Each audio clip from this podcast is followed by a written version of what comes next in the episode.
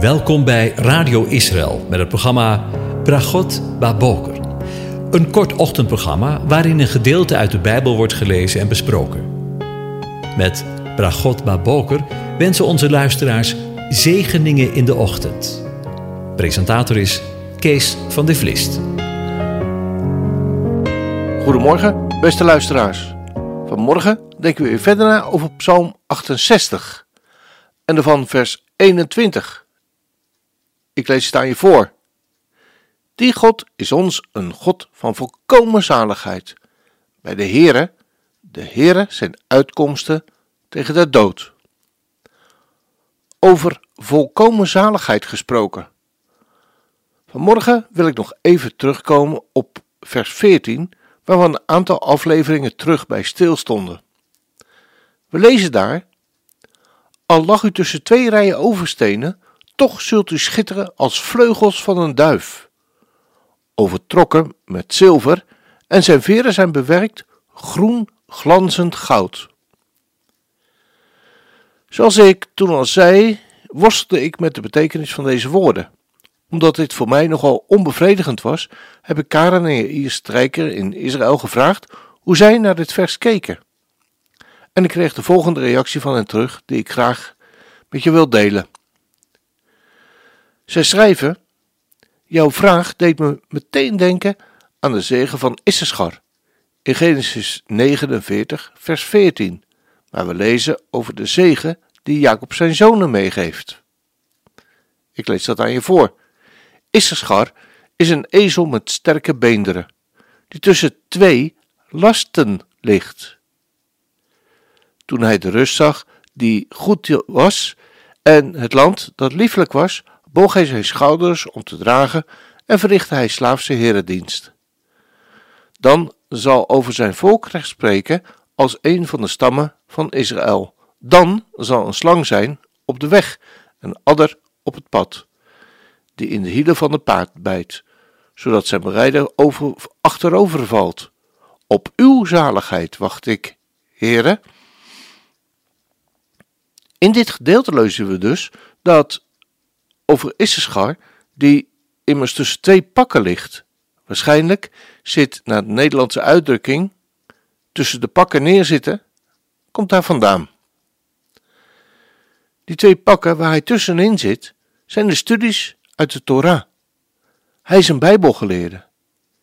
Ik ging opzoeken wat die twee pakken zijn in het Hebreeuws en wie schetst mijn verbazing? Er wordt bedoeld dat degene die net als Issachar neerligt tussen zijn Torah-studies, daarvan wordt gezegd in het commentaar dat deze je niet loslaten, dag nog nacht. Vandaar dat neerleggen. In Psalm 68, vers 14 is er dan ook geen tegenstelling, maar wanneer gij neerligt tussen de pakken van de Torah-studies, zo wordt u als vleugels van een duif, overdekt met goud. Als we het zo lezen, dan klopt de tekst dus als een bus. Er is geen verwarrende tegenstelling in dit vers, maar een belofte. Tot zover de reactie vanuit Israël. Ik weet niet wat u ervan vindt, maar ik vind het een prachtige verklaring. Vandaar ook dat ik je dit niet wilde onthouden. Maar nu pakken we de draad weer op in Psalm 68, vers 21. Die God is onze God van volkomen zaligheid. Bij de Heere, de Heere zijn uitkomsten tegen de dood. Die God is voor ons een God van volkomen redding. Het is hier opnieuw dat, evenals in de voorgaande vers hier, in het Hebreeuws een vervoeging gebruikt wordt dat in verband houdt met het woord Yeshua of Yeshua, Jezus. De Joodse uitleggers zeggen zelfs dat God strikt met ons handelt en het met het doel om ons te redden van een nog zwaardere straf. De man die aan armoede lijdt, moet beseffen dat de Heere hem een weg biedt om aan de dood te ontsnappen. Aangezien de bedelaar als een dode wordt beschouwd, kan deze bittere straf de plaats van de echte dood innemen. en daaruit verlossing verschaffen.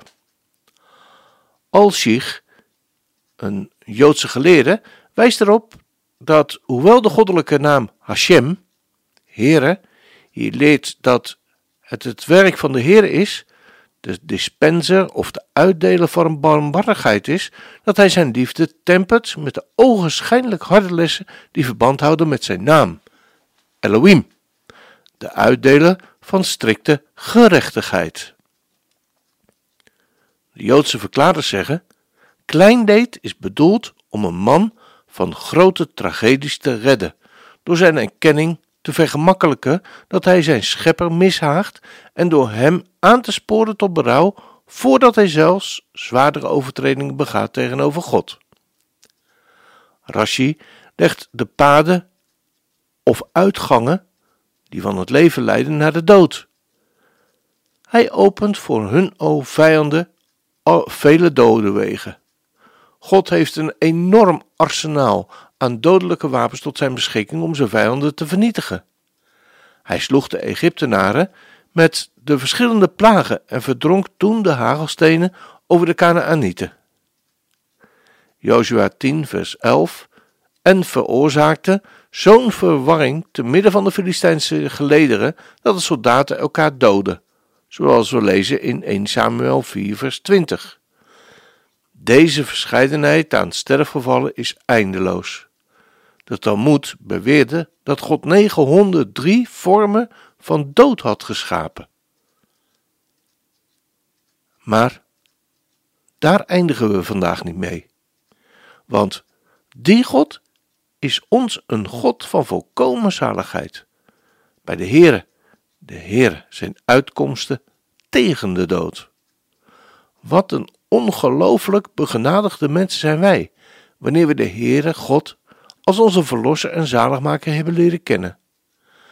Dan zijn we gered van, zoals het al moet zegt, 903 vormen van dood. En weet je wat me vandaag zo aanspreekt in dit gedeelte? Vandaag de dag, in deze tijd waarin corona, en laten we het vandaag maar eens het C-woord noemen, bijna zonder ophouden wordt genoemd en waarin ons angst voor het C-woord wordt ingeboezemd. De angst voor de dood voor corona. Een heel ander woord met een C, namelijk Christus, dat tegenover staat. Want die God is ons een God van volkomen zaligheid. Bij de Heere, de Heere zijn uitkomsten tegen de dood. Als dat geen zegen is, we sluiten deze afzending af met een lied van Marty Goods, Baruch Adonai. We gaan luisteren.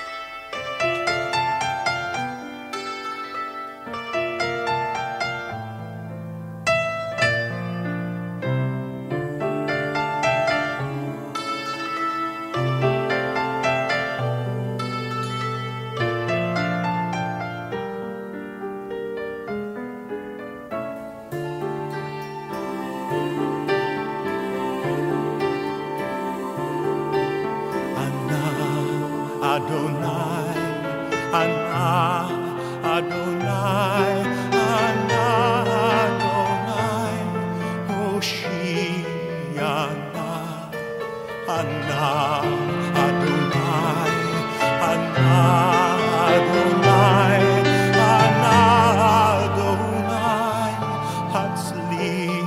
Adonai,